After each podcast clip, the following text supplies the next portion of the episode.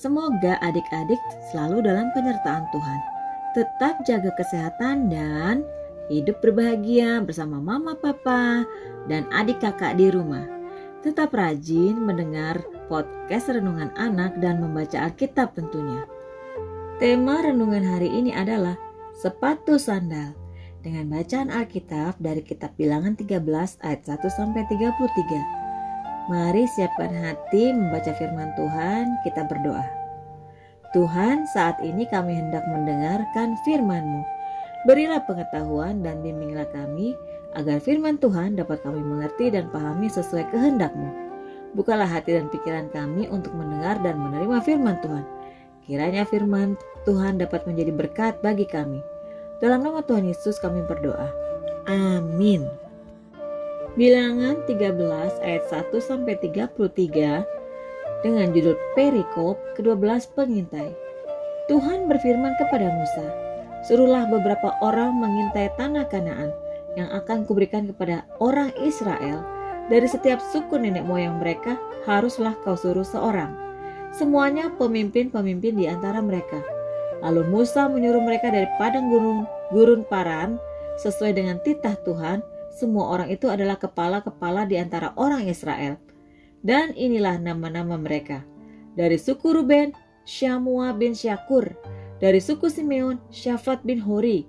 Dari suku Yehuda, Kaleb bin Yefune. Dari suku Isakar, Yigal bin Yusuf. Dari suku Efraim, Hosea bin Nun. Dari suku Benyamin, Palti bin Rafu dari suku Zebulon, Gadiel bin Sodi. Dari suku Yusuf, yakni dari suku Manasye, Gadi bin Susi. Dari suku Dan, Amiel bin Gemali. Dari suku Asher, Setur bin Mikael. Dari suku Naftali, Nahbi bin Wofsi. Dari suku Gad, Guel bin Maki. Itulah nama orang-orang yang disuruh Musa untuk mengintai negeri itu. Dan Musa menamai Hosea bin Nun itu Yosua maka Musa menyuruh mereka untuk mengintai tanah Kanaan. Katanya kepada mereka, Pergilah dari sini ke tanah Negeb dan naiklah ke pegunungan. Dan amat-amatilah bagaimana keadaan negeri itu. Apakah bangsa yang mendiaminya kuat atau lemah? Apakah mereka sedikit atau banyak? Dan bagaimana negeri yang didiaminya? Apakah baik atau buruk? Bagaimana kota-kota yang didiaminya? Apakah mereka diam di tempat-tempat yang terbuka atau di tempat-tempat yang berkubu, dan bagaimana tanah itu, apakah gemuk atau kurus, apakah ada di sana pohon-pohonan atau tidak. Tabahkanlah hatimu dan bawalah sedikit dari hasil negeri itu. Ya, waktu itu ialah musim hulu hasil anggur. Mereka pergi ke sana lalu mengintai negeri itu mulai dari padang gurun Zin sampai ke Rehob ke jalan yang menuju ke Hamat. Mereka berjalan melalui tanah Negev, lalu sampai ke Hebron. Di sana ada Ahiman, Sesai, dan Talmai, keturunan Enak. Hebron didirikan tujuh tahun lebih dahulu dari Soan di Mesir. Ketika mereka sampai ke lembah Eskol, dipotong merekalah di sana suatu cabang dengan setandan buah anggurnya. Lalu berdualah mereka menggandarnya juga mereka membawa beberapa buah delima dan buah arah. Tempat itu dinamai orang lembah Eskol karena tandan buah anggur yang dipotong orang Israel di sana. Sesudah lewat 40 hari pulanglah mereka da dari pengintaian negeri itu dan langsung datang kepada Musa, Harun dan segenap umat Israel di Kades, di padang gurun Paran. Mereka membawa pulang kabar kepada keduanya dan kepada segenap umat itu dan memperlihatkan kepada sekaliannya hasil negeri itu. Mereka menceritakan kepadanya, kami sudah masuk ke negeri ke mana kau suruh kami. Dan memang negeri itu berlimpah-limpah susu dan madunya. Dan inilah hasilnya. Hanya bangsa yang diam di negeri itu kuat-kuat dan kotanya berkubu sangat besar. Juga keturunan enak telah kami lihat di sana. Orang Amalek diam di tanah Negeb Orang Het, orang Yebus, dan orang Amori diam di pegunungan. Orang Kanaan diam sepanjang laut dan sepanjang tepi sungai Yordan. Kemudian Kaleb mencoba menenteramkan hati bangsa itu di hadapan Musa katanya, "Tidak, kita akan maju dan menduduki negeri itu, sebab kita pasti akan mengalahkannya." Tetapi orang-orang yang pergi ke sana bersama-sama dengan dia berkata, "Kita tidak dapat maju menyerang bangsa itu karena mereka lebih kuat daripada kita." Juga mereka menyampaikan kepada orang Israel kabar busuk tentang negeri yang diintai mereka dengan berkata, Negeri yang telah kami lalui untuk diintai adalah suatu negeri yang memakan penduduknya. Dan semua orang yang kami lihat di sana adalah orang-orang yang tinggi-tinggi perawakannya. Juga kami lihat di sana orang-orang raksasa, orang enak yang berasal dari orang-orang raksasa dan kami lihat diri kami seperti belalang. Demikian juga mereka terhadap kami. Demikian firman Tuhan.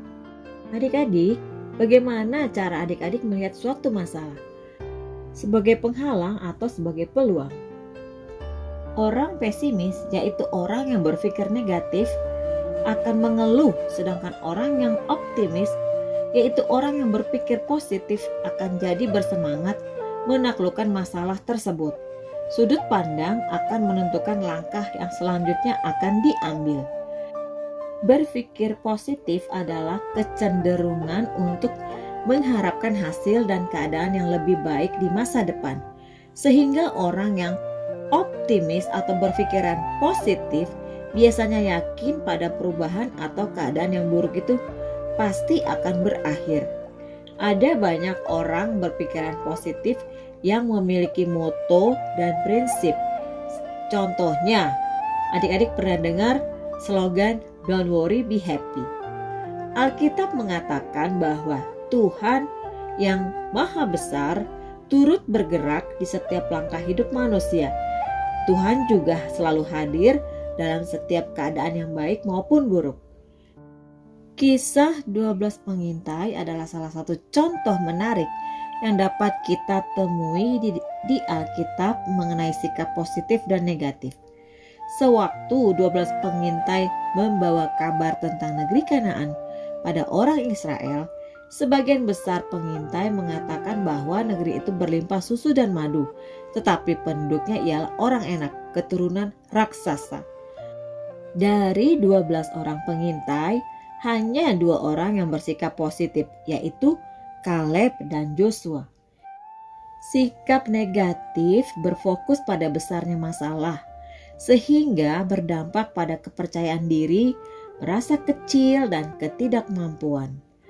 Sedangkan orang berpikiran positif berharap mendapat hasil yang lebih baik, sehingga membuat mereka dapat mencapai keberhasilan dalam hidup.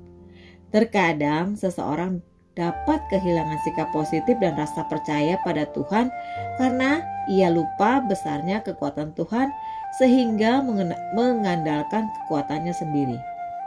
Di dalam buku renungan ada contoh orang yang berpikir positif dan negatif. Adik-adik bisa lihat perbedaannya. Sebuah perusahaan sepatu dan sandal terkenal ingin memperluas usahanya perusahaan sepatu itu ingin membuka sebuah cabang baru. Se sebuah daerah terpencil yang jauh dari kota dipilih untuk pembukaan cabang itu. Di daerah itu akan dibangun sebuah toko yang akan menjual sepatu dan sandal.